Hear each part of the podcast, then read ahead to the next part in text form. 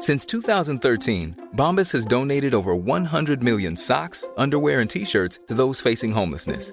If we counted those on air, this ad would last over 1,157 days. But if we counted the time it takes to make a donation possible, it would take just a few clicks. Because every time you make a purchase, Bombas donates an item to someone who needs it. Go to bombas.com slash ACAST and use code ACAST for 20% off your first purchase. That's bombas.com slash ACAST, code ACAST. Hey, it's Ryan Reynolds, and I'm here with Keith, co star of my upcoming film, If, only in theaters, May 17th. Do you want to tell people the big news? All right, I'll do it. Sign up now and you'll get unlimited for $15 a month in six months of Paramount Plus Essential Plan on us. Mintmobile.com slash switch. Upfront payment of $45 equivalent to $15 per month. Unlimited over 40 gigabytes per month. Face lower speeds. Videos at 480p. Active Mint customers by 531.24 get six months of Paramount Plus Essential Plan. Auto renews after six months. Offer ends May 31st, 2024. Separate Paramount Plus registration required. Terms and conditions apply if rated PG. What a wonderful world.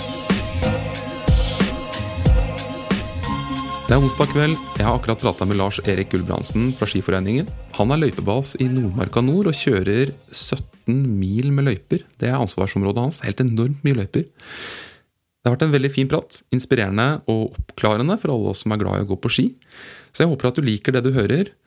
Og du, hvis du ikke er medlem av Skiforeningen og bruker løypene deres, så håper jeg at denne praten kommer til å gjøre at du kanskje revurderer og melder deg inn i Skiforeningen. Det syns vi i podkasten er en veldig god idé. Og hvis du liker podkasten, hvis du liker Gode dager, så håper jeg at du trykker abonner, og at du deler det med andre mennesker som også kunne ha glede av det. Vi setter veldig pris på hver enkelt av dere som lytter på oss, og gjør dette prosjektet mulig. Tusen takk. What a wonderful.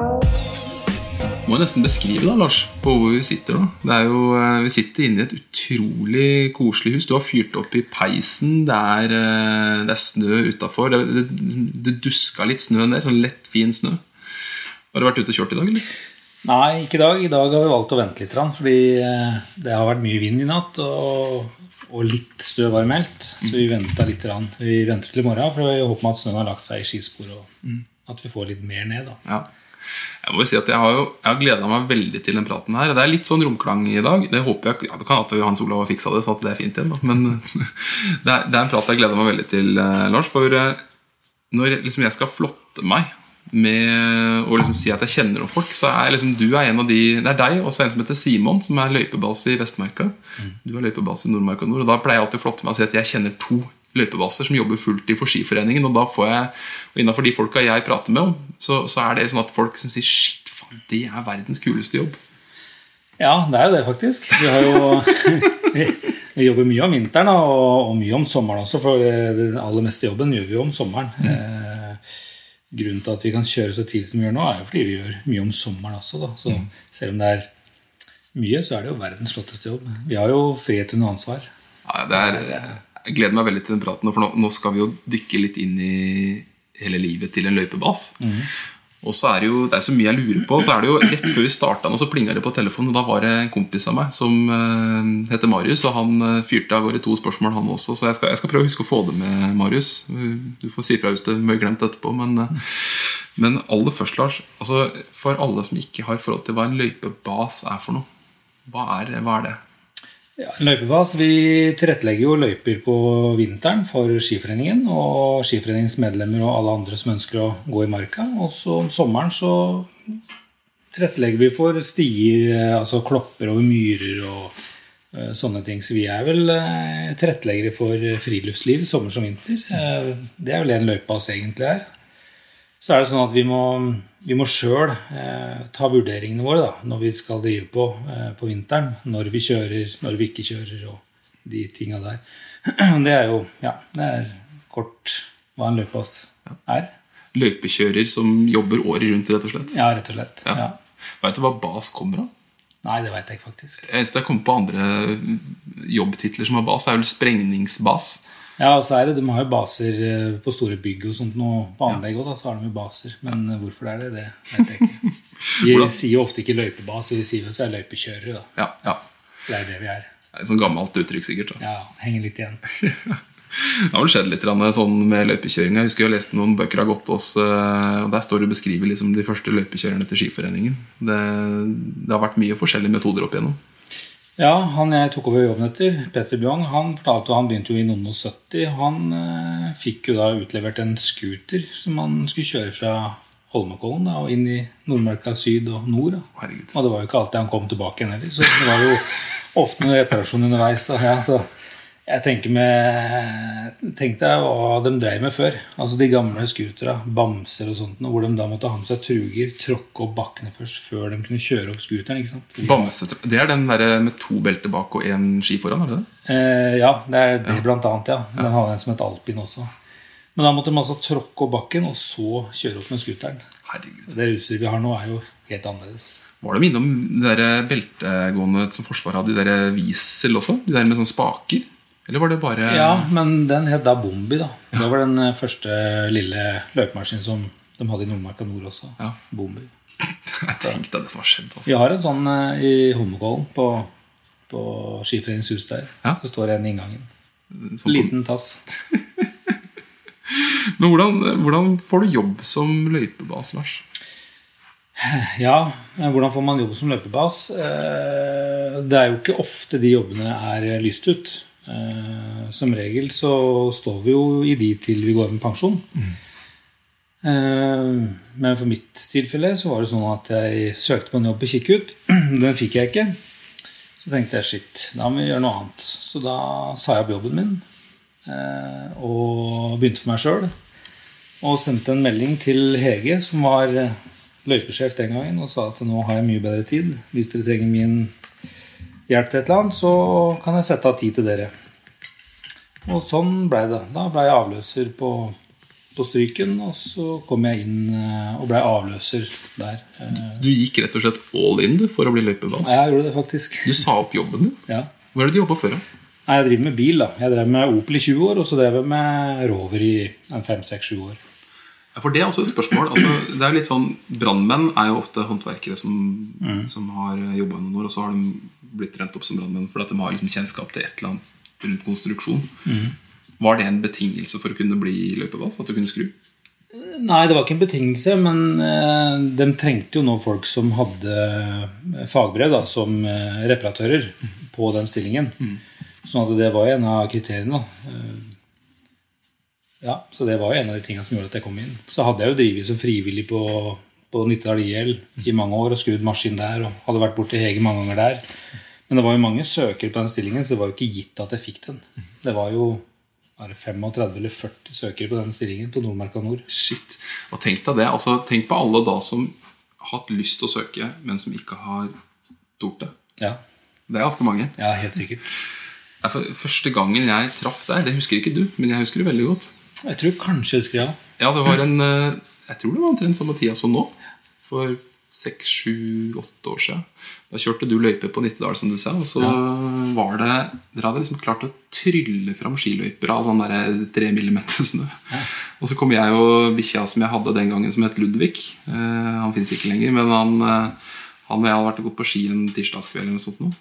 Og så tar altså jeg stopper foran eh, skistua, da, som det heter. Den har blitt litt større siden det, og, og så står du der. eh, Og så sier jeg du, bare tusen takk for fine løyper, det er helt sjukt. Og da tror jeg du var litt sliten.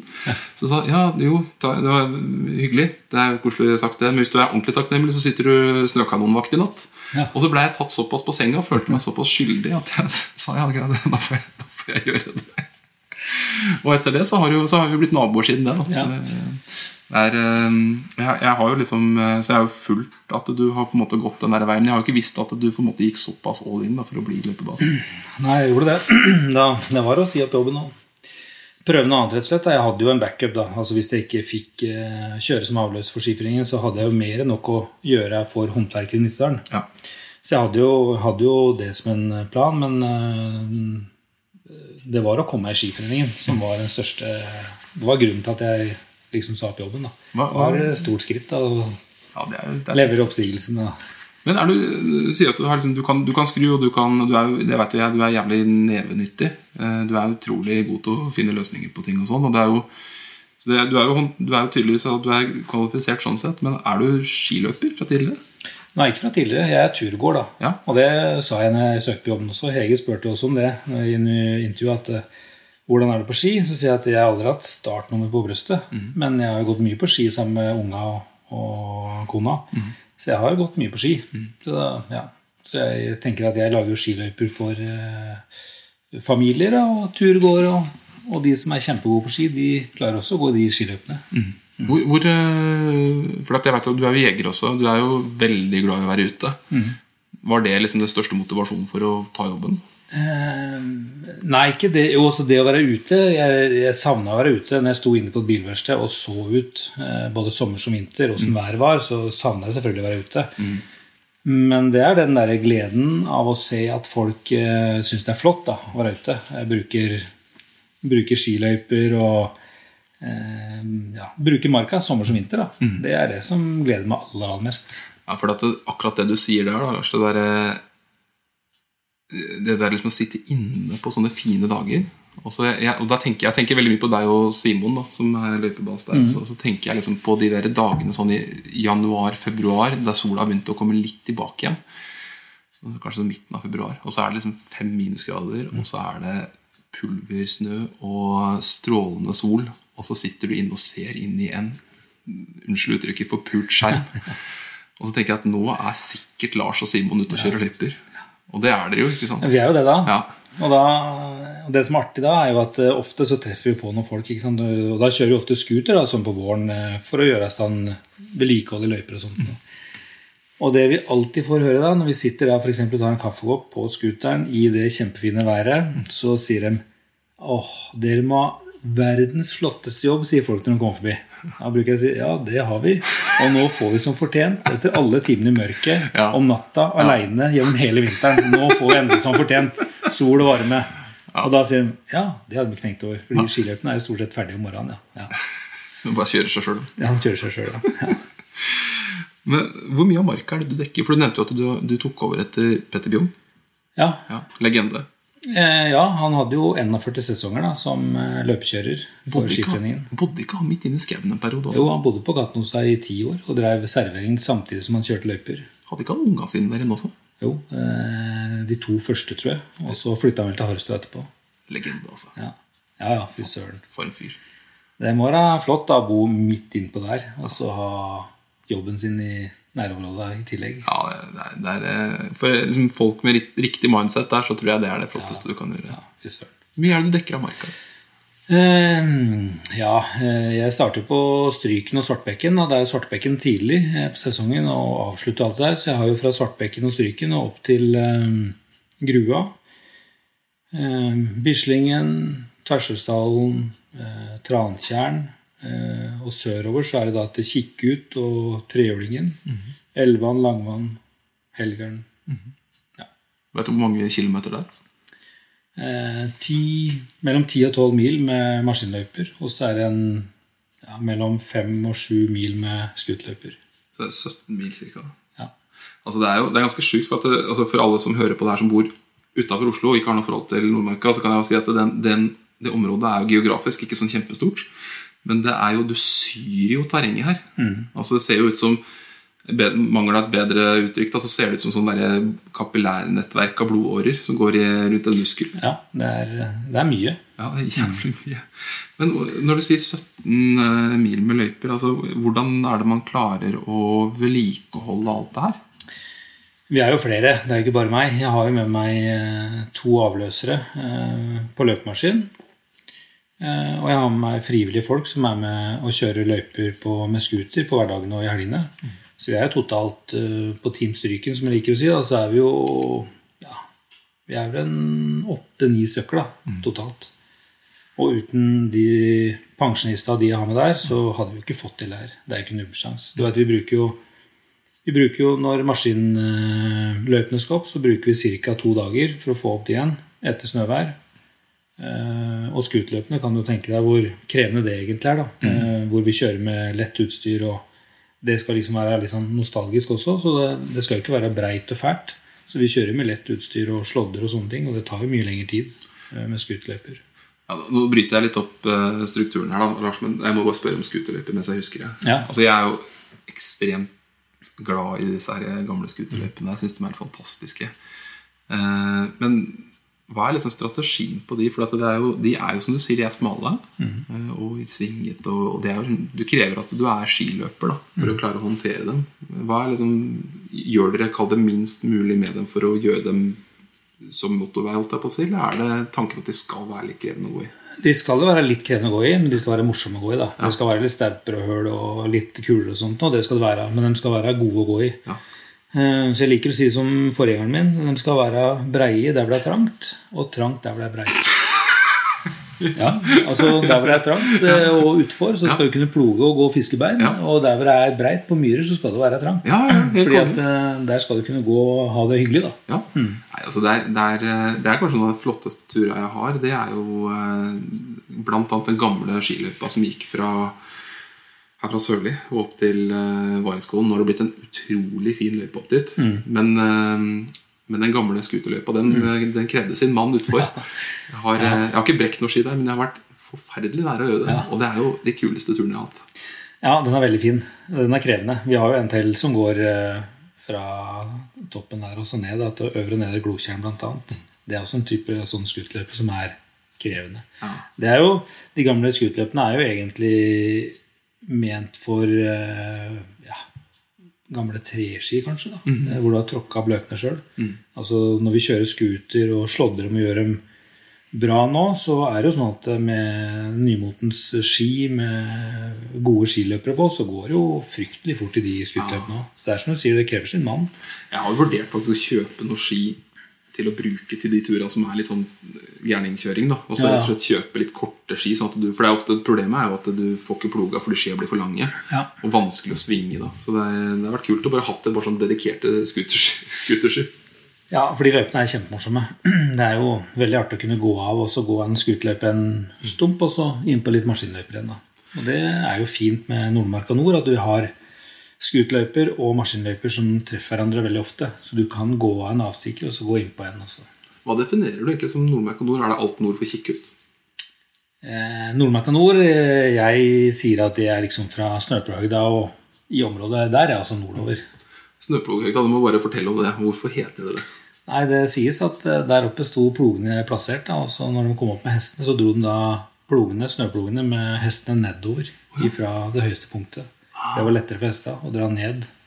Så det, Det står en snøplog der fortsatt? ikke? Ja, det står en moderne plog der nå. Bare sånn for å symbolisere at det er snøplogehøyde. Ja. Men tilbake til årsrytmen, Lars. Mm. Eh, kan vi bare begynne på sommeren? Hva gjør du på sommeren?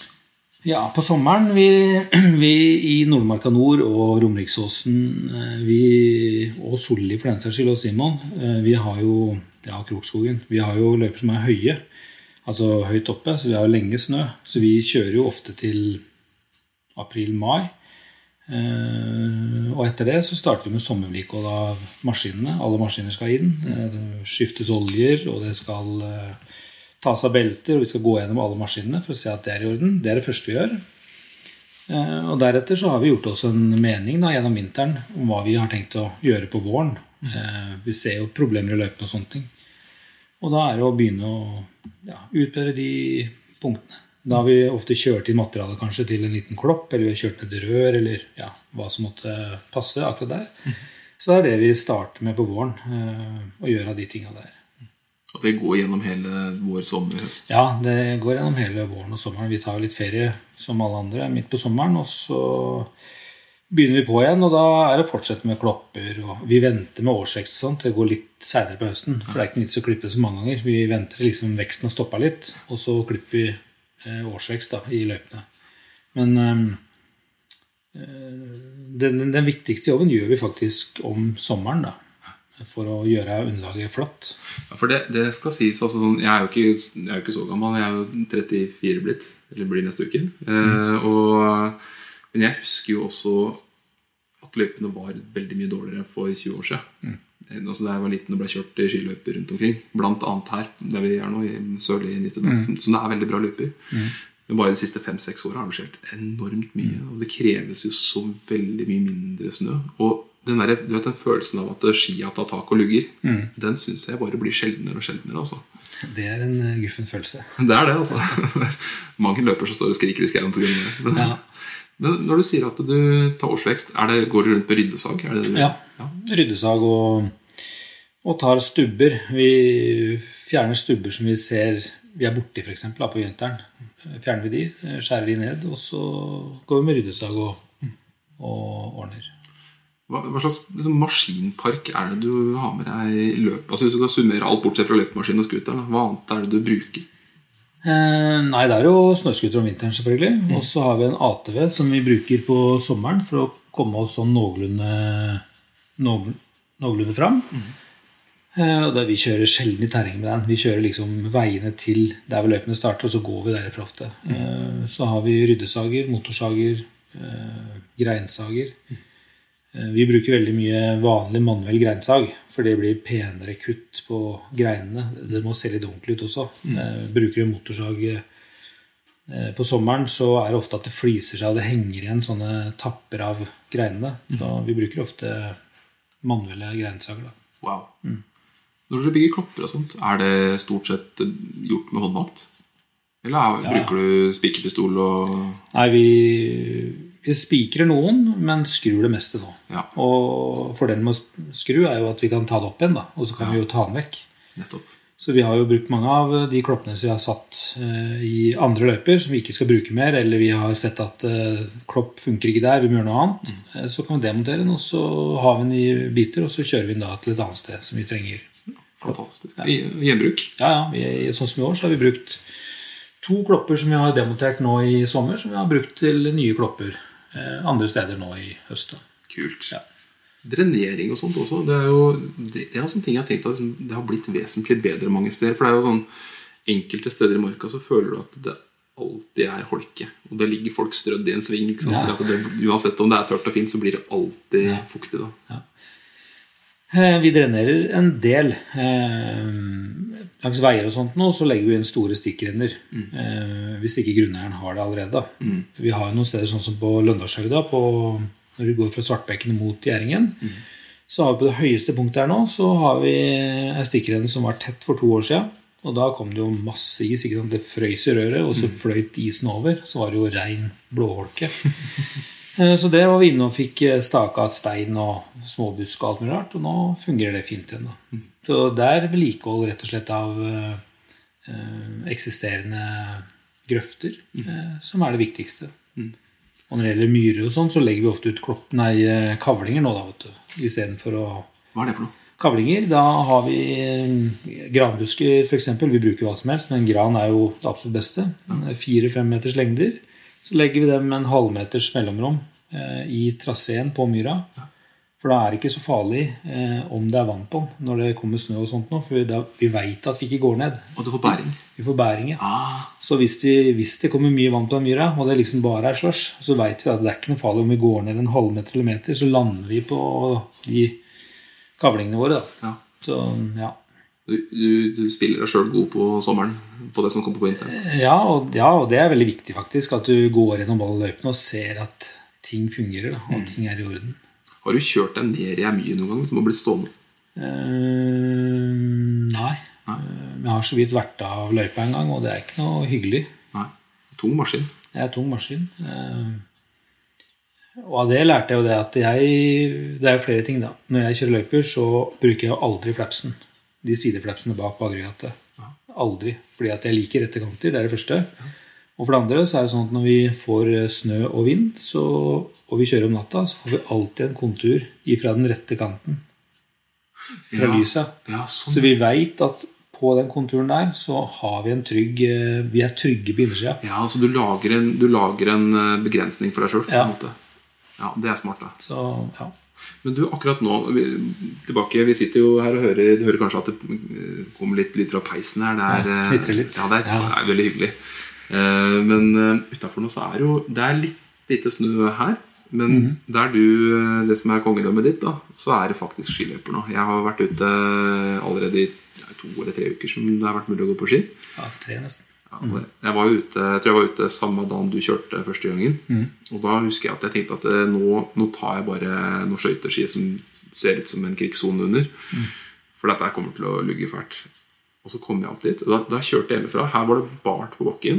Og Så kom jeg opp til Harrystua. Der ble det hvitt på bakken, men det var liksom bare en millimeter med snø. Og så kjørte jeg opp det som heter Vestbygda, og så ble det mer og mer. og mer Plutselig er det brøytekanter. Og så parkerer jeg på Svartbekken, som er da rett før mylla. Og så er det også 20-25 cm med snø. Og det er Nå kødder jeg ikke. Det, det var liksom, det var World Cup-løyper. Det var dritbra. Og det var, jeg, var ikke, jeg så ikke én stein. Hvordan, hvordan er det det er mulig i, i, i den der perioden som er nå, som er det, er det er fortsatt lite snø. Ja, det er det. Eh, hva er det du har gjort for at løypene på en måte har vært så bra? Og jeg var, det skal sies, jeg og kompis Sindre vi var innom for, ja, forrige uke, torsdag forrige uke og gikk. Og det hadde ikke kommet noe særlig mer snø da. altså Det hadde bare kommet bitte lite påfyll, og det var fortsatt bra. Nei, Det vi gjorde aller først, var at vi lot all snøen som kom, da, få ligge i fred, urørt. Eh, For det kom jo snø, og så kom det jo mildvær, og det regna over. Mm. På det meste hadde vi på Svartbekken eh, ja, 40-45 cm snø. Men så kom jo mildværet og regnværet, og så var vi nede i 18-19-20 cm snø. Så vi lot det rett og slett bare ligge i fred, da, så at det fikk eh, synke sammen. Vi fikk en mest mulig fast masse. Og så kjører vi lett, da. Altså, eh, vi kjører jo aldri med fresen Freser jo aldri ned. Fresen går jo lett, henger jo bare etter. Eh, kjører lett med sporsetteren, sånn at vi veit Kommer det mildvær om noen dager, så kan vi ta det igjen uten å måtte kjøre i grus. Så de første tura blir å kjøre lett og, og vurdere. Altså, vi veit jo hvor det er eh, utsatte punkter hvor det kan blåse og være litt snø. Og da er det om å gjøre å kanskje stoppe fresen til og med, da, og så bare dra over der uten at eh, fresen er med rundt i det hele tatt. For alle som ikke har sett altså Mange av lytterne her vet veldig godt åssen en mm. Er det pistenbulle du kjører? Ja. ja vet veldig godt hvordan en sånn ser ut. Men for de som ikke vet det, Lars, bare beskriv en løypemaskin for oss. Liksom, hvordan fungerer en løypemaskin? Ja, hvordan fungerer en løpemaskin? Eh, hvor, hvor, mye vil du vite?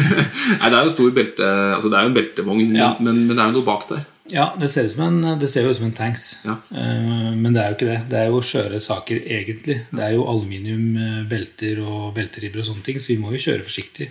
Vi kan jo ikke ta oss fram i alt mulig av stein og sånt noe. Men eh, det som er bak, er jo en fresetromle fresetrommel med massevis av tenner. Eh, Den kan vi jo senke og heve som vi sjøl vil, eh, inntil en ja, 7-8 cm. Eh, Når vi da ikke senker den ned utafor fresekassa vår, så får vi all snøen som ligger løst foran maskinen, den får vi inn i kassa, og som vi da slår eh, tom for luft og legger ut bak oss. Sånn at eh, når jeg sier at vi ikke freser ned, så er det fordi vi har da fresen så høyt opp vi kan, og at vi bare får snøen inn i kassa og slår den snøen og, legger den ut bak. da. Blir den da mer komprimert? Holdt Mer komprimert, ja. Ah, nettopp. Så, og så har vi eh, sporsetterne våre. Nå har vi jo sporfreser også, som eh, gjør det enkelt for oss når det er veldig hardt. da, Som da lager fine spor som vi kan sette sporkallene våre i. Eh, og så har vi flapsen, som vi prata om i stad. Men eh, Det er den som gir på en måte den strukturen som vi kjenner. den veldig ja, det er finisher, kaller vi det, Som som lager den der fine strukturen. Som vi, rillene, da, som Ja. du ser. Ja, ja. Eh, Det er finisher, ja. Eh, Så vi kjører så lett vi kan da, på de første tura. Eh, Prøver å unngå brå svinger. Og, for de beltene de er jo 10 cm høye, de ribbene. Så hvis vi da begynner å svinge når vi har 20 cm løs snø, og det, det blir jo ikke mer enn kanskje hva kan det bli igjen da? 5 cm eller da. Så hvis du da begynner å vrenge maskinen rundt, så er det grus oppi dagen med en gang. Ja, for det, det skal sies da at eh, Jeg tenke ikke å si hvor det er hen, men eh, har, kona har jo hytte, eller familien til kona har hytte på, på fjellet et sted. Kan mm. være så generelt som det. Og der Ja. er det jo da et løypekjørerlag som eh, Det er amatører. eh, Og de, de gjør en fantastisk jobb. Men eh, de kan jo ikke kjøre løyper. Det har blitt litt bedre, men, men eh, jeg innbiller meg at de kjører altfor fort. Fordi at dem, eh, Det er litt sånn, det sprekker opp litt i spora mange steder. Og så ser jeg at liksom det, det ser nesten ut som det er sladdespor i noen av svinga. Hvor fort kjører du? Sånn vil jeg slå. Det er veldig forskjellig. Sånn som når vi kjørte inn til forrige helg, så var det jo ganske hardt. Og vi veit jo at såren er tynn. Sånn at eh, da lå vi en 10-12 km kanskje. Eh, stort sett, da. Eh, der vi hadde kjørt før. Og så kjørte vi jo noen terrengløyper i tillegg til Transtjern og, og Tarsesdalen. Og da er du nede i ja, 2-3-4-5 km, sånn, for da må du ligge og pirke, og du må ha med fresen, og du må hente litt snø og ordne og fikse litt. Og sånne ting. Men um, på det føret som var forrige helg, så var det en ja, 10-12 km i timen, kanskje. Ekstremt til stede, da. Ja, altså Du må være til stede hele tida. Du sitter ikke og liksom drikker kaffe og hører på radio og titter på Nei. Du ser, jeg ser alle Når folk har tatt opptak av meg inne i maskinen og sånt nå, så ser jo ut som ja, altså Du sitter jo og ser forover hele tida, for det du har eh, på joysticken og sånn, det, det veit du hvor er hen. Så den trenger du liksom ikke å se på. Men du sitter jo og følger med på skjæret ditt og eh, hvordan det ser ut i terreng. Og, ja, Du er på. du er på, ja. Du må være påskrudd. Hvis ikke så Det er dyrt, vet du. En eh, sånn vingesylinder til en eh, Altså til skjæret foran, da. De vingene som vi slår inn og ut. Eh, en sånn vingesylinder det koster fort en 10 000-15 000 kroner hvis du butter en stein eller slår av den med busker eller et eller annet. Så det er jo kjempedyrt å ikke være påskrudd, i hvert fall. Hvor, eh, hvor mye koster en sånn maskin totalt, da? Nei, nå er vi oppe igjen rundt tre millioner. Ja. Det er en dyr bil. Det er, det er dyrt leketøy. Fy faen. Nei, vi, eh, ja, vi, vi er heldige som går på ski i Nordmarka.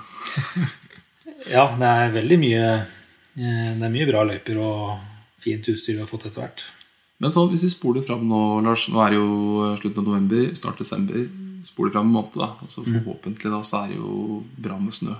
Så har du kjørt opp disse 17 milene med løyper. Ja. Og så er det, er liksom Det er prime tid. Det er en meter snø, kanskje mer. Det er kaldt og fint.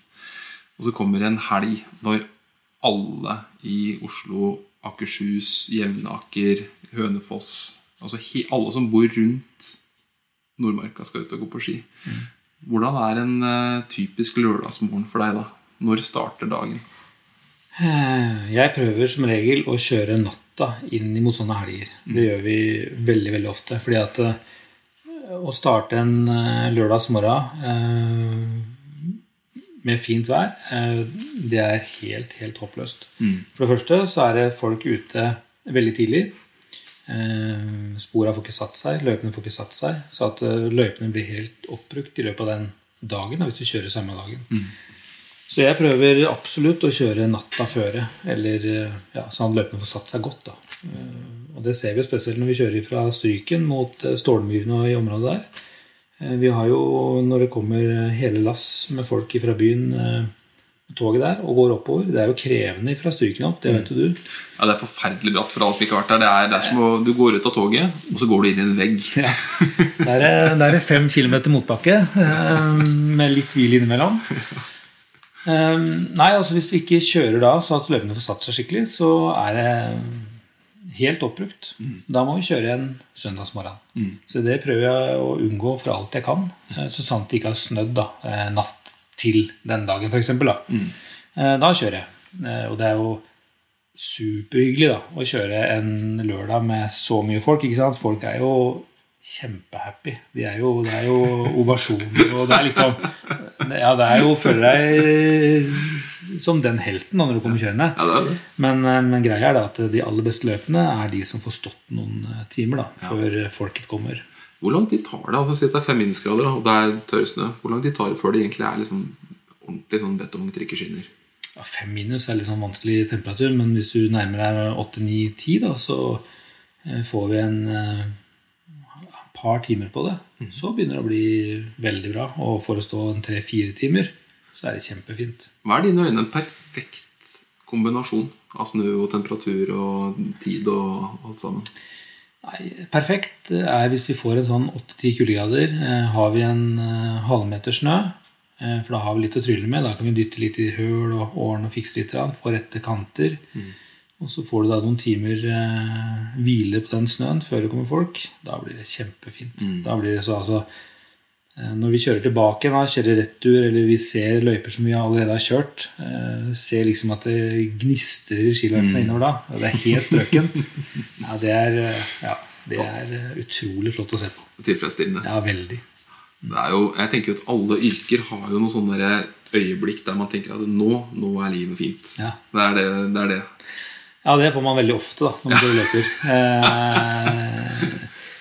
Eh, eh, jeg tar jo veldig ofte bilder. Det blir jo mange av de samme bildene. Eh, Det aller flotteste for meg det er liksom når du har godt med snø på trærne, du har fin kulde, eh, snøen er eh, lettkjørt og setter seg godt, og du får rette, flotte kanter, så folk føler at det, det faktisk er gjort med en mening. da. At du har rette, fine kanter, og det ser ordentlig ut. Ja. Ikke noen sånn tullball med for mye ja, rette kanter. Hva, når du sier at du kjører på natta, når, er det arbeids, eh, altså når begynner arbeidsnatta di? holdt jeg på å si? Eh, Forrige helg, når vi kjørte inn mot den fine helga som var da, så starta vi klokka tolv om natta. Og så kjørte vi fram til eh, sju om morgenen. da. Åssen er resten av dagen for deg da? Nei, da drar vi hjem, og så Sover. slapper av. Ja. Ja. Planning for your next trip? Elevate your travel style with Quince. Quince has all the jet setting essentials you'll want for your next getaway, like European linen, premium luggage options, buttery soft Italian leather bags, and so much more. And it's all priced at 50 to 80% less than similar brands. Plus, Quince only works with factories that use safe and ethical manufacturing practices. Pack your bags with high-quality essentials you'll be wearing for vacations to come with Quince. Go to quince.com slash trip for free shipping and 365-day returns. Hey, it's Ryan Reynolds, and I'm here with Keith, co star of my upcoming film, If, only in theaters, May 17th. Do you want to tell people the big news? All right, I'll do. it. Sign up now and you'll get unlimited for $15 a month and six months of Paramount Plus Essential Plan on us. Mintmobile.com slash switch. Upfront payment of $45 equivalent to $15 per month. Unlimited over 40 gigabytes per month. Face lower speeds. Videos at 480p. Active Mint customers by 531.24 get six months of Paramount Plus Essential Plan. Auto renews after six months. Offer ends May 31st, 2024. Separate Paramount Plus registration required. Terms and conditions apply if rated PG. Åssen er det liksom i løpet av vinteren snur du døgnet veldig mange ganger? og liksom Ja, det er litt rart det der. For at eh, når vinteren kommer, og vi begynner å skrive føremelding eh, Og det er jo ingen altså, det er ingen som trenger å se på noen værmelding i familien min, for den har jeg hele tida. Altså, jeg har den hele tida. Du er sånn sykelig opptatt av yr.no. Hele tida. Har du sånn proffutgave, eller? Ja, ja, vi er innom på den innimellom også. Ja. Men eh, det sikreste er liksom å kikke ut litt òg, da. Men vi er på været hele tida. Um, ja. Er humøret For det, det er sånne ting jeg har tenkt litt på. For jeg er jo Jeg er også sykelig opptatt av værmeldinga sånn fra skiføret begynner. Særlig når det er mulig å gå på ski her hjemme. Da, kan du da tror jeg kona mi kan si om det er meldt bra de neste Altså på langtidsvarsel eller ikke, ut ifra hvordan humøret mitt er. For hvis det er sånn der omslagsvær, så blir jeg, så, jeg blir sånn fortvila. ja. Er du der òg? Ja, for det er veldig fortvilende. For at når du har gode, eh, gode løyper, og du har eh, bra, stabilt vær, som vi har nå, eh, så er det utrolig kjipt og trist å få en sånn en, eh, væromslag som gjør at du da mister alt som er av snø på trærne. Du får eh, klinkis flere steder hvor du har liksom tynn såle, og du liksom er og toucher på issåla under. Så får du da klinkeris der sånn, Ja. og det er vondt å drive og frese på. da. Vondt å falle på, vet du. Ja, det er vondt å falle på. Det er det også. ja. Nei, så det er eh, Og det med døgnet altså På vinteren så er det ehm, Når vi skriver føremelding og følger med på værmelding og de tinga der sånn, eh, så våkner jeg alltid Setter jeg klokka på fire. Hvis jeg skal stå opp fire, våkner jeg tre.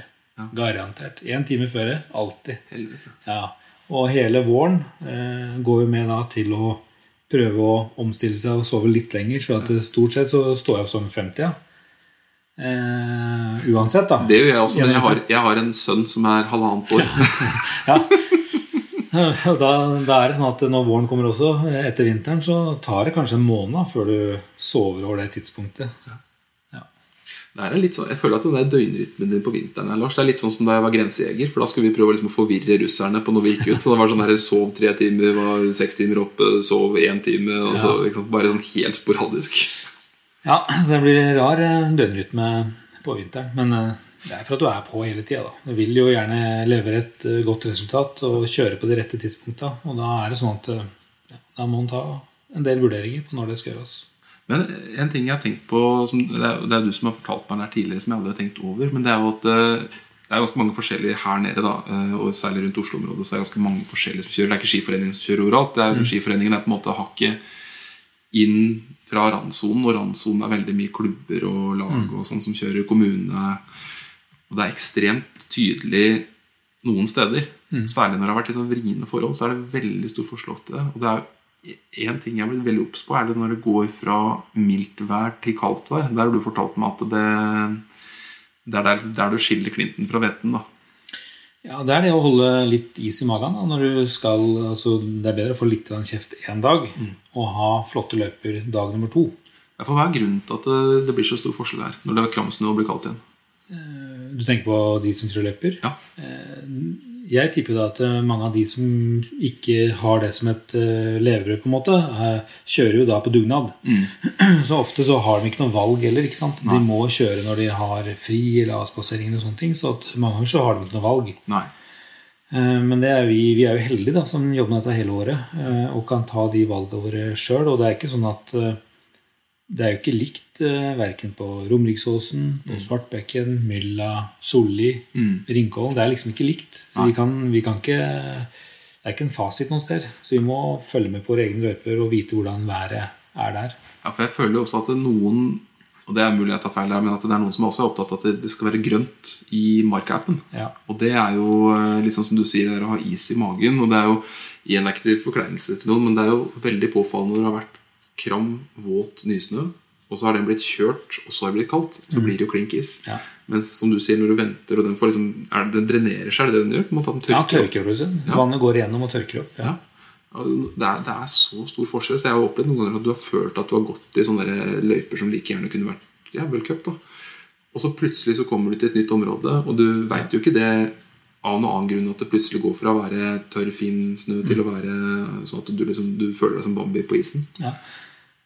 Og det er utrolig leit å tape igjen også. For de løypene de blir så harde. Eh, når du skal ta opp de løypene med løypemaskin For det første er de vonde å gå i. Altså Det er jo helt umulig å smøre i dem. Og de er vonde å dette i. De, og så er det sånn at når du skal begynne å kjøre i dem igjen, så er det steinhardt. da. Ja. Eh, Du sitter og freser og freser og freser. og freser. Det går jo så sakte.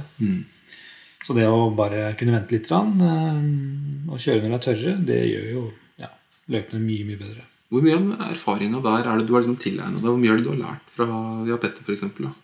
Altså, jeg var jo med Petter i, i tre år, og så får man masse input derfra, og så gjør man masse egne lærdommer sant? av hvordan man kjører, og hvordan man eh, eh, tenker, og når man skal kjøre. Eh, og jeg tenker, eh, Det som er veldig viktig for meg, er å levere et godt resultat. altså Det skal bli mye mye bedre bak den løpemaskinen enn det det er foran. For hvis, det, hvis ikke det er resultatet, da, er vi, da kjører vi i hvert fall på feil tidspunkt. Ja. Ja. Hvor mye stolthet har du i jobben din? Ja, veldig mye. Det skal være veldig perfekt eh, når vi er ferdig. Og det gjelder ikke bare meg. Det gjelder de sånn som Ingrid som kjører eh, maskin, og Amund som kjører maskin, og Agnar og alle de som er frivillige også, som kjører snøscooter. Eh, alle de har en stolthet da, som gjør at vi veldig, skal levere veldig gode løper. Hvor, ja, for, hvor personlig føler du at det er? For det er veldig mange som veit hvem du er. Eh, Ja, veldig mange veit hvem jeg er, og jeg tenker at eh, ja, Hvor personlig? Hva tenker du liksom på da? Nei, litt sånn der type at jeg vil ikke For du, nummer én, du representerer jo Skiforeningen. Ja. Og for det andre så representerer du deg sjøl. Eh, og det er akkurat det liksom, at det er mange du, Som du sier, altså folk står jo nesten og tar bølgen når du passerer på Ja. sånne fine dager. Ja. Og du har klart å lure med deg barna inn på Transtjern for å spise pølser eller mm. ja, Tversøsdalen eller et eller annet. Og alle er i godt humør. Men det er jo også den derre er fallhøyden fra på en måte det å levere et veldig godt resultat til å levere et resultat som gjør at folk liksom banner og sverter litt. da Det, må vi, nest- det, det skjer jo av og til, men som regel så har vi en god grunn da, til at vi ikke har kjørt. Mm. Det kan være fordi vi ser på værmeldinga at det skal bli mildt, og velger å vente litt. Sånn som eh, nå som det er lite snø, eh, så vil jo jeg ikke ha prioritert å kjørt for få mennesker midt i uka når jeg kan vente. Når jeg ser at værmeldinga viser veldig bra vær på fredag eksempel, og lørdag og søndag. Da er det bedre å spare den snøen og den kjøringa, sånn at vi får eh, tusenvis av mennesker ut i løpene i bra forhold, istedenfor at jeg skal gnufille de forholdene nå midt i uka. Og så, Spy av gårde diesel for tre lapper, liksom. ja ikke sant? Er tre lapper. Ja, det, ja, det går jo noe diesel, da. Ja. Nei, men jeg tenker også det er, liksom, det er- en fin prioritering, for det er jo det du egentlig gjør, er å tilrettelegge for altså For det første, det, det aller viktigste det er at du tilrettelegger for markaopplevelse for eh, unger og voksne som sitter og ser inn i en skjerm. holdt jeg på å si Ja. Det er mye folkehelse i deg. Ja, veldig. Så det er klart at de som går på ski i uka, det er jo det er jo de spesielt interesserte, og de koser seg strengt tatt uansett, hvis de er helt ærlige. Ja, altså jeg, jeg liker jo selvfølgelig at det skal, når det kommer til Svartbekken, eller eh, Stryken, eller Trantjern, eller Tversesdalen, eller hvor det måtte komme som jeg kjører, så vil jeg veldig gjerne at det skal være eh, bra. Alle skal bli fornøyd når de kommer på de stedene. Eh, og er det ikke kjørt, så eh, det er en grunn for det. liksom. Vi har gjort en vurdering. Ja. Eh, noen ganger så kan det være at vi bommer, men stort sett så tror jeg vi har treffet sånn noenlunde eh, med vurderingene. da. Men eh, en ting Lars, jeg på, Du nevner at du har jo avløsere og du har frivillige og pensjonister som hjelper til også. Men, men det er jo du som på en måte tar det meste av jobben. Og jeg vet jo at du har mange dager du er aleine ute i skauen også. Ja. Savner du liksom, det kollegiale fra da du jobba på, ja, på Opel, som du sa? da? Ja, altså eh, Kollegaer, Det er alltid hyggelig med kollegaer. Men jeg må jo si at jeg trives jo veldig godt aleine òg. Så jeg syns det er utrolig deilig. da. Eh, Og det å kjøre om natta, f.eks. Sitte og høre på litt musikk. eh, Eller bare høre det at maskin jobber, høre at eh, ting fungerer. at eh, ja, Se ut av vinduet, følge med. Ja. Ja, det Så jeg trives veldig godt aleine. ja, for du slår meg jo også som en utrolig sosial fyr. Ja, jeg er jo egentlig det.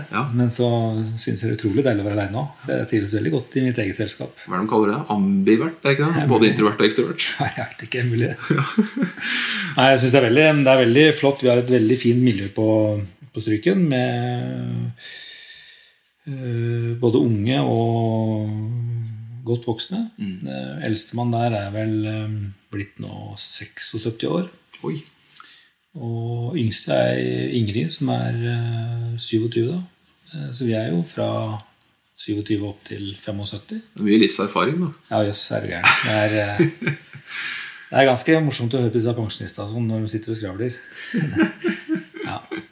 Men, men eh, du har jo også kolleger i Skiforeningen. Ja. Eh, Hvor mye har du med ja, f.eks. Simon eller Jarle Jensen, som er oppe i Ja. Romeriksåsen? Han er jo gammel kollega av meg. Han ja, ikke sant? Ja, ja. Jobba i Vyrt før. Han. ja stemmer. Eh, Han er også litt sånn som folk prater om. De som ikke er glad i å gå på ski, vet du, de veit jo ikke hva han driver med i dag. Nei. Så de sa, han, han begynte med noe sånn derre han begynte med noe sånne greier i skauen. Så Ja, må ja, jeg rette og si nei, nå må du ta deg sammen. Lars kjører løype fra bro. Nei, Lars Jarle kjører løype på broa, da. Ja. Men hvor mye har du med disse å gjøre?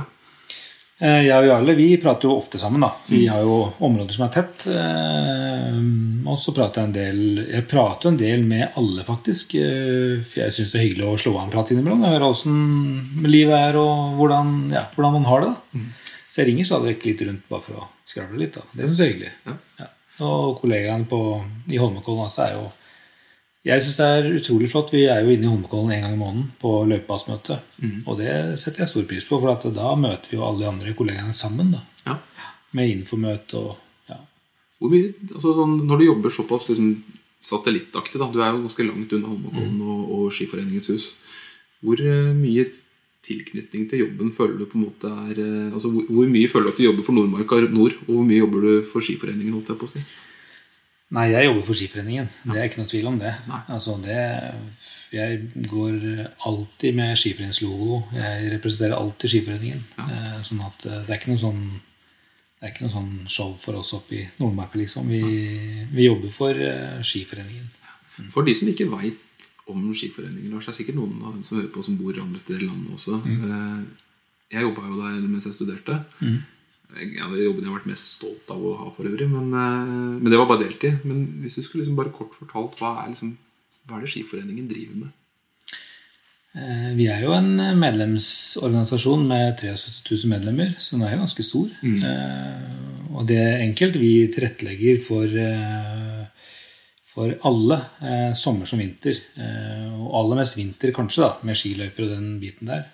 Vi arrangerer jo Holmenkollmarsjen, blant annet. Eh, eh, Og tilrettelegger for lek og moro, tenker jeg, da, i, i skiløypene. For barn og unge og voksne og ja. Det er jo en gammel, gammel forening. Ja, 1883. Ja. Det begynner å bli noen år. Det er jo eh, Jeg, også, jeg synes jo for jeg, tror, jeg tror veldig mange av de som hører på nå, de har nok også et veldig sånn sentimentalt forhold til Skiforeningen. For eh, jeg tror ikke jeg er aleine med å gå med, skiforeningspils på dressen. Det gjør jeg uansett hvor jeg skal. Jeg gjorde det til og med da jeg gifta meg, men det skal også sies at jeg gifta meg med kona mi på Kikkut Ja. inni skauen. Ja.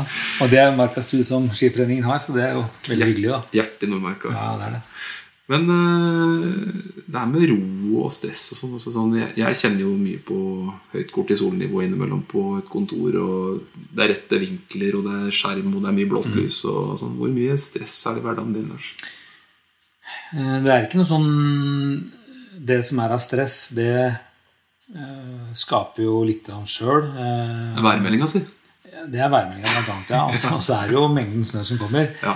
Men jeg liker jo å si at vi presterer og leverer jo best når det brenner litt på dass. da. Når det er, liksom, når det er høyt trøkk og ting skal eh, leveres, det er da vi liksom liker å, å levere skikkelig. Ja. Eh, Når våren kommer, hvor, vi, hvor det er lange perioder med lite snø kanskje, og mye vedlikehold av løyper og sånt, nå, så, så kjenner vi jo det at det er hyggeligst midt på vinteren når det liksom er fullt trøkk og vi må levere alle mann. da, alle mann til pumpene. Vi liksom leverer her og der og scooterløper opp og maskinløper opp. og ja, Mye koordinering og fiksing. Mm.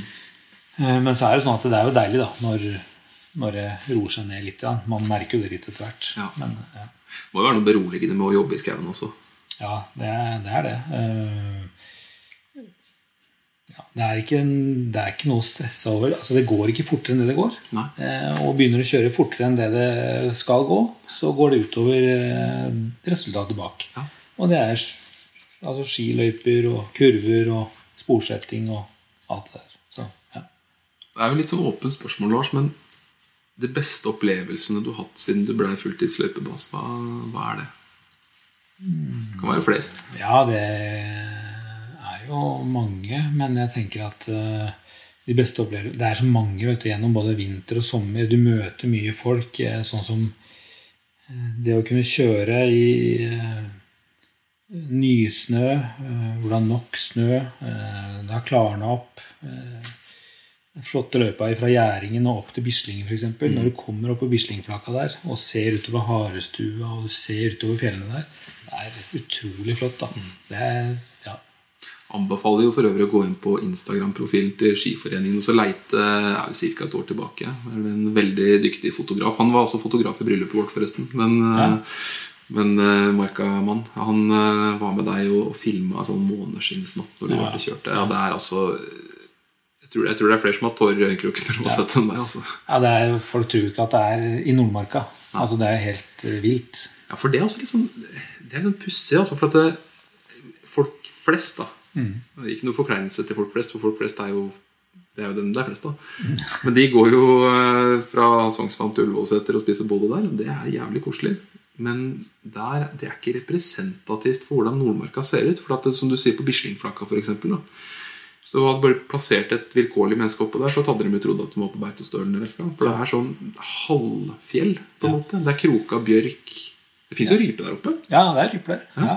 Så, ja, og hvis man tar turen oppover til Nordmarka nord, da, og for eksempel, når vi får opp løpene fra Stryken eh, Og det å gå fra Stryken, som ligger på 236,7 meter eller noe sånt nå, og opp til Bislingen, som nå er litt forskjellige mål her, da, men eh, 600, og- la oss si det er 695 meter, da. Altså Den stigningen der sånn, da går du jo helt fra stasjonell opp. Det er ganske utrolig å se hvordan ting forandrer seg. Og til du kommer opp på da Bislingen, hvor det er eh, litt stutte graner som eh, henger og bukker mot deg med mye snø på, som har fryst på i løpet av første del av vinteren. Og, ja, flott. Det er fantastisk. Det er synd at det der hotellet der oppe ikke var levedyktig. Altså, for det hadde vært eh, Det er eksotisk, rett og slett. Ja, å det er, ja, det er det oppe der. Ja. Det er utrolig flott. Det blir spennende å se om det blir noe der etter hvert. da. Det er jo alltid noen planer, så vi får se. Ja, det er, det er, Vi får krysse fingrene. Rare opplevelser, Lars. Eh, rare. Eh, vi møter jo på noen innimellom. Da. I fjor hadde vi jo en, eh, en tysker som tusla rundt i skiløypene i hele fjor vinter. Det starta vel med at jeg og eh, en som heter Amund, vi skulle kjøre scooter, og så står en ryggesekk ved Anderstjern, litt sør for Stryken.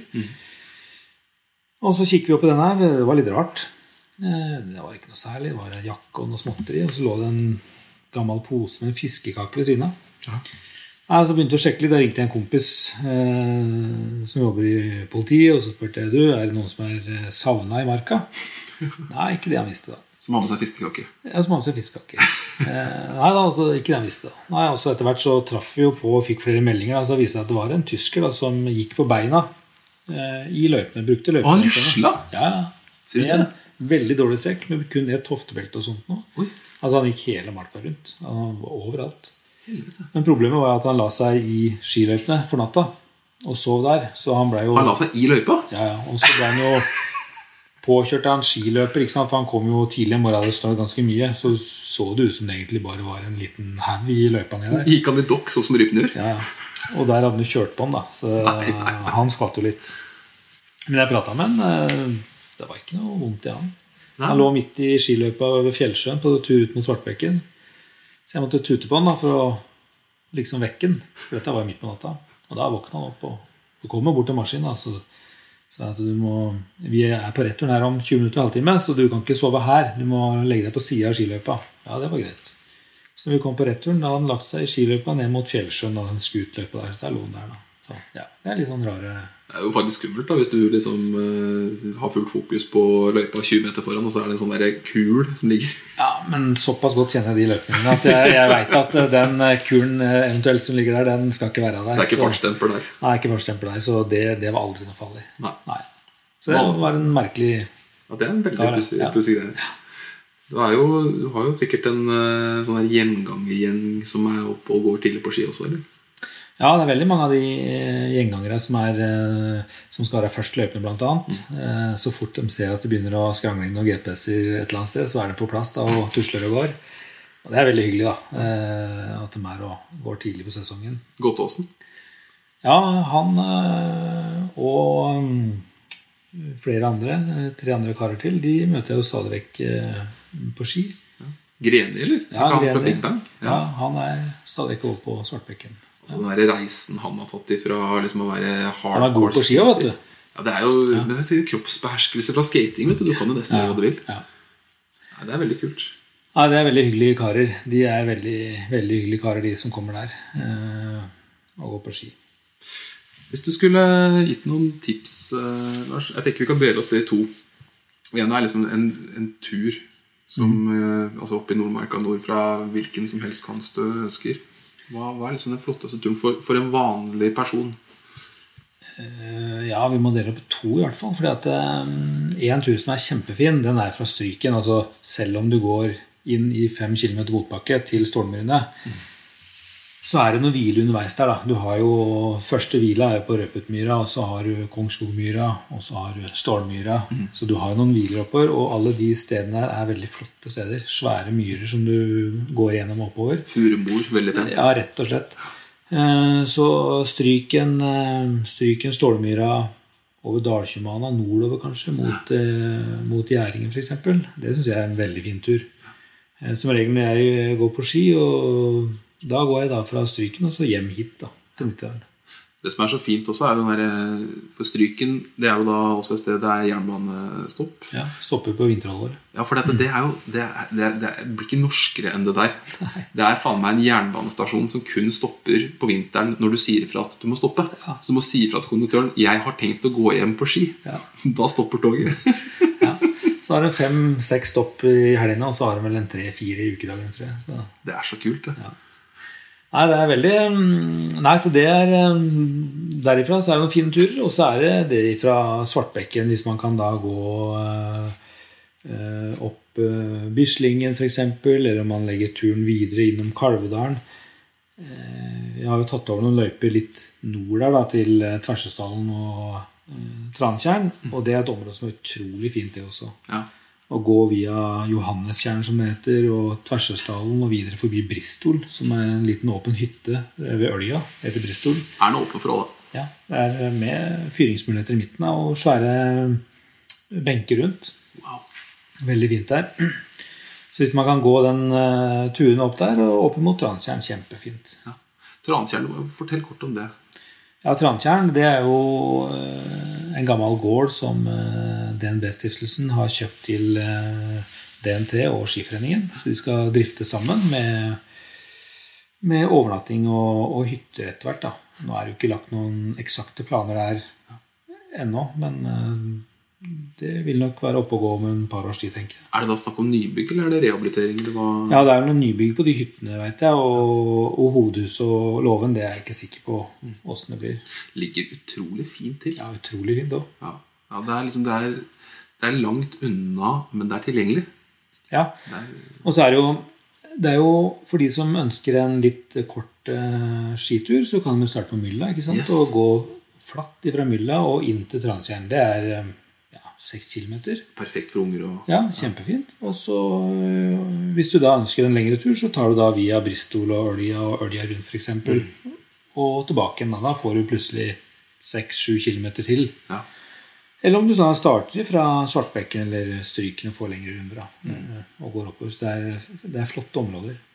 Det er fantastisk. Eh, et annet eh, tips eh, Da lar seg litt en annen kategori. Men har du noen tips? Liksom sånn, har du noen ting du skulle ønske at flere skiløpere gjorde? Altså, når, altså, det er ploging, hvordan man går løypene for å liksom, bevare den best mulig. Har du noen tips til, eh, til dem som eh, er ute og går på ski? For så vidt ikke. Jeg syns at eh, folk eh, de bruker løypene veldig veldig bra, syns jeg. da. Mm. Vi har jo brukergrupper med både bikkjer og som kjører nordisk med sånn én og to bikkjer eh, eh, bak seg. Og jeg syns det fungerer veldig, veldig bra. Altså, og spesielt de som eh, kjører nordisk fra Svartbekken. De er stort sett kjempeflinke. Ta bort møkk, og de er hensynsfulle overfor andre. og oppfører seg fint. Det synes jeg er veldig, veldig bra. Og folk spør meg ofte, da. Jeg har jo bikkje sjøl, og jeg, går med, jeg har jo med henne i skispor også. Og folk kommer gående med bikkje, og så tror de at alle vi som kjører løyper, da, er dritsure på de som eh, går med bikkje. Og så stopper de liksom, ja, og så unnskylder de seg for at bikkja kanskje har tråkka i sporet der, eller eh, ja, må ha med seg bikkje eller sånn. Mm. Og så sier jeg, ja, men eh, er det ikke flott da, sier for den bikkja å få strekke ut litt, få løpe litt? Det er utrolig kjedelig bare å gå rundt nabolaget, bare loffe hver eneste. Det må være utrolig deilig for den bikkja å kunne få løpe litt skikkelig, og, og da blir hun så glad, da. Ja, ja. Så det Nei. Jeg syns det fungerer veldig veldig bra. Alle tar hensyn til eh, hverandre, og de aller fleste følger med på i Marka-appen og ser når det er kjørt. Det er jo ikke noe vits i å eh, det er jo ikke noe vits i å rase ut på ski eh, bak maskin. Da har du dårlige forhold. Ja, ja. Det er bedre å vente en time, da, så er det faste, fine forhold, og så er alle happy. Bruk Marka-appen og følg litt med. Ja, det syns jeg. For da ser du liksom når vi har kjørt, og når du kan forvente at det er fast og fint. da. En ting jeg har tenkt mye på, Lars, det er liksom sånn, Nå har jeg litt sånn religiøst forhold til det her med å gå på, på langrenn uten å egentlig ha satsa på langrenn noensinne. Jo alt annet mulig rart jeg driver med utholdenhetsidrett. Men langrenn er det som som sitter dypest, på en måte. Kanskje nettopp fordi at jeg ikke har konkurrert. jeg vet ikke. Men uh, en ting jeg opplever i marka, og det er liksom det tror jeg altså Skiforeningen har litt skylda for, eller æren for, det er det at folk oppfører seg så utrolig bra i skauen. For folk flest ellers der er det mye spisse albuer og tuter og viser fingeren i trafikken. og liksom sånn, Men akkurat når du kommer ut i skauen, nummer én det husker jeg også var en sånn greie i Du skal alltid se folk i øynene og hilse og smile. Si hei. Eller sånn som Gottaas sier, fint nå, uansett hvor jævlig det er. Eh, og, så, og folk er så blide. Og så hørte jeg hørte på en podkast apropos Øystein Greni. Han var på en utestemmer til DNT. Veldig, veldig bra. Eh, Eivind Edslott, en av Norges beste til å intervjue. Er fantastisk. Men der husker jeg han sa at han syntes at damer ble så pene i marka. Men jeg vil korrigere henne. Jeg syns alle blir pene i marka. Jeg, altså jeg, jeg føler meg jo så sjukt mye freshere sjøl også. Det skjer et eller annet når du er ute og går på ski. altså. Ja, folk blir glade. Du Du ser jo folk eh, komme dansende, om det er fristil eller klassisk, kommer eh, opp på bakkene. Du ser jo at de er der fordi de trives med å være der. Ja. Og det er jo det som er hyggelig. Eh, har du en dårlig dag, så er det jo hyggelig å gå i marka og gå og se på andre ting, tenke på andre ting. Eh, ja. Nei, Det er fantastisk. Det, det skjer noe Jeg holdt på at vi skal avslutte med å oppfordre folk til å liksom oppføre seg bra men det tror jeg ikke er nødvendig. Nei, jeg føler at eh, folk oppfører seg eh, veldig bra. Og folk tar i hvert fall det jeg har ut fra Svartbekken og i områdene rundt Stryken og Tarsesdalen, så syns jeg folk oppfører seg veldig bra. De tar hensyn til hverandre, og de oppfører seg fint. Da. Det syns jeg er bra. Jeg har jo Jeg har ett mål for vinteren. Jeg har liksom blitt mer og mer voksen, så disse idiotturene blir, det blir færre og færre av dem. da Men jeg har én da som jeg beholder. Det er sammen med Lars Kristian, som også er programleder i, i Bolden her. Eh, og vi, vi prøver, prøver å gå Gjøvik-Oslo en gang i løpet av vinteren. Ja. Eh, og den turen der, den, den høres verre ut enn den er. Men eh, de, nå har vi jo tatt den tre ganger, og, hver gang så har vi gått den da altså, du, Ganske kult. Du tar jernbanen til Gjøvik, og så tar du drosjebil til eh, Hunndalen. Det er der eh, gamle opphuggere til høggeren i Vasselina bilopphuggers var først.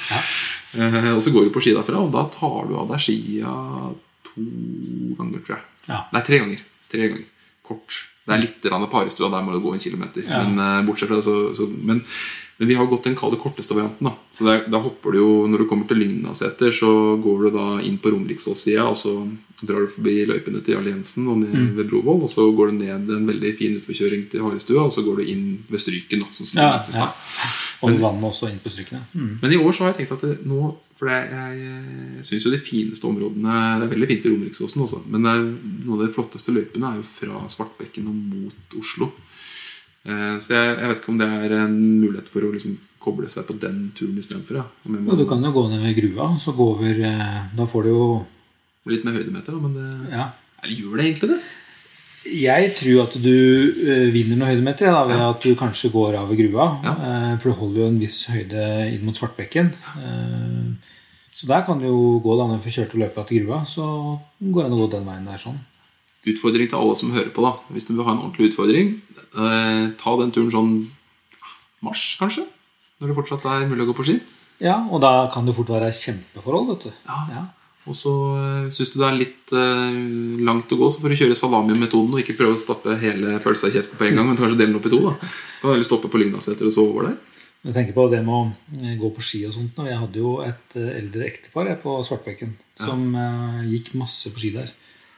Eh, jeg så at de var voksne, og snakka med hun, kona hans innimellom. Eh, fordi det var en voksen gubbe som gikk opp Svartbekken, og så gikk to beina ned. Så tenkte jeg nå han trøbbel med utstyret. Så stoppa jeg og så spurte jeg henne vil du sitte på ned. Nei, nei, nei, han, han trente låra, hvis det var greit. At han gikk i løpet ned igjen. da. Ja, jeg, sier, just, er- jeg trodde kanskje det var noe gærent på utstyret, så jeg så Nei, nei, nei. nei. Så han skulle gå ned, da. Og disse traff jeg der tre-fire år siden. Traff jeg flere ganger i uka. Eh, Og så ble jeg stående og prate med hun kona litt innimellom. Og da, for hun gikk da inn til gjerdingen og ut igjen. Ja. Og så sier jeg ja, du skjønner, jeg er med mannen min. Jeg er 85, sa hun, og han, er, han var noen og 90. Han trente til et veteranløp i Italia. Så han syntes det var så fint å gå motbakke i, på Svartbekken og så gå på beina ned. For han turte ikke å gå kjøre utfor i tilfelle han skulle dette. da. Ja. Så det var liksom, så de trente da der. Og hun skulle gå Jo, og så traff jeg på henne litt seinere, så sier jeg Du, Lars, Lars, eh, nå må du stoppe. Ja, hei, sier jeg. Ja, du, det var veldig bra jeg traff deg nå. nå. Du skjønner, jeg har en flaske vin til deg. Nei. For det er så fine løyper her, så jeg har en flaske vin til deg. Den har jeg hatt i sekken i 14 dager, sa Men det gjør egentlig ikke noe, for jeg skal gå Birken i år, så det er bare fint å ha den i sekken som trening. Så. Da var jeg 85 år. Det er helt sjukt. Ja, da tenker jeg at da Da er det vel mulig å komme seg fra Eina og Gjøvik og nedover for mange. Det er utrolig kult, altså. Det, er, eh, det har vært en veldig kul prat, eh, Lars. Det har vært veldig kult å få bli litt mer kjent med. For vi, vi møtes jo ofte på morgenkvisten når jeg er ute og lufter bikkje. Ja. Men det er jo litt begrensa hva man rekker å prate om på ti minutter. Eh, Ja, selv om vi blir stående og prate litt. blir jo stående omtrent, Ja. like lenge som det er kanskje på. Ja. Men eh, til alle som har lytta, jeg håper at man har fått litt mer sånn forståelse for hva som ligger bak skiløypene i, Nordmarka, Østmarka, ja, Vestmarka og veldig mange andre steder i Norge. Romeriksåsen. Eh, det er veldig mye håndverk bak der, og, og vit det at eh, det ligger mer enn bare, bare vinteren. Det ligger jo grunnarbeid gjennom hele året. Så at det, til alle som bor i Oslo, Gamle Akershus Jeg vet ikke hvor langt nord det går med, med skiforeningen. Det er ganske, begynner å bredde seg utover. Men Ja, det ble seg til alle som enkelt sagt da, til alle som er i skauen og ser Skiforeningens logoen på et skilt, så, så vil jeg jo si det at eh, går du mer enn én skitur i året, så meld deg inn i Skiforeningen. Eh, det er jo mange medlemskap å ha, men de pengene blir veldig fornuftig brukt. Jeg har jobba der sjøl og veit at det her blir ikke øsla med penger og rota bort, sånn som enkelte fremstiller det på noen ideelle organisasjoner når det har vært innsamlingsaksjoner og sånn. Her er det nøktern bruk, og det er idealister som jobber hver dag for at det skal være fantastiske skiløyper Eh, og det er en grunn til at jeg går med energiforeningspinnen i, i jakkeslaget på, på, dressen. Og det er fordi at jeg syns eh, Det er nesten litt sånn religiøst for meg. Mm. Men eh, det legges til rette for markaopplevelse for alle og enhver. Eh, og tenker bare avslutte med det. At, ja, det er, det er bra oppsummert. Ja. Det er liksom sommeren altså pengene, Medlemspengene brukes jo rett og slett rett til arbeid sommer som vinter. Ja. Jeg bruker å si det, Den aller aller viktigste jobben vi gjør, er den jobben vi gjør om sommeren for å gjøre løpene klare til vinteren. Ja, det er nydelig. Og hvis du går på ski i eh, som en Svartbekken, så er det bare å legge vinflaske i sekken, og så ser du Gullbrandsen sånn litt uh, seint på sesongen, så er det lov å gi, en flaske vin. Takk for praten, Lars. Takk for praten, det var hyggelig. Ha det.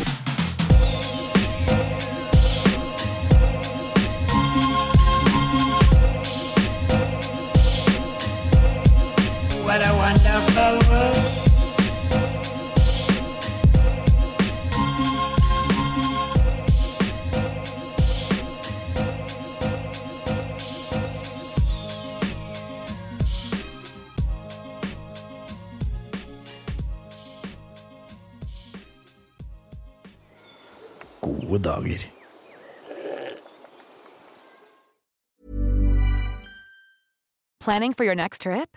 Elevate your travel style with Quince. Quince has all the jet setting essentials you'll want for your next getaway, like European linen, premium luggage options, buttery soft Italian leather bags, and so much more. And is all priced at 50 to 80% less than similar brands. Plus, Quince only works with factories that use safe and ethical manufacturing practices.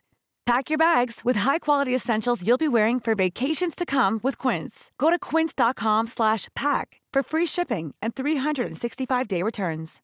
Imagine the softest sheets you've ever felt. Now imagine them getting even softer over time. That's what you'll feel with Bowl and Branch's organic cotton sheets. In a recent customer survey, 96% replied that Bowl and Branch sheets get softer with every wash. Start getting your best night's sleep in these sheets that get softer and softer for years to come. Try their sheets with a 30-night guarantee. Plus, get 15% off your first order at bowlandbranch.com. Code BUTTERY. Exclusions apply. See site for details.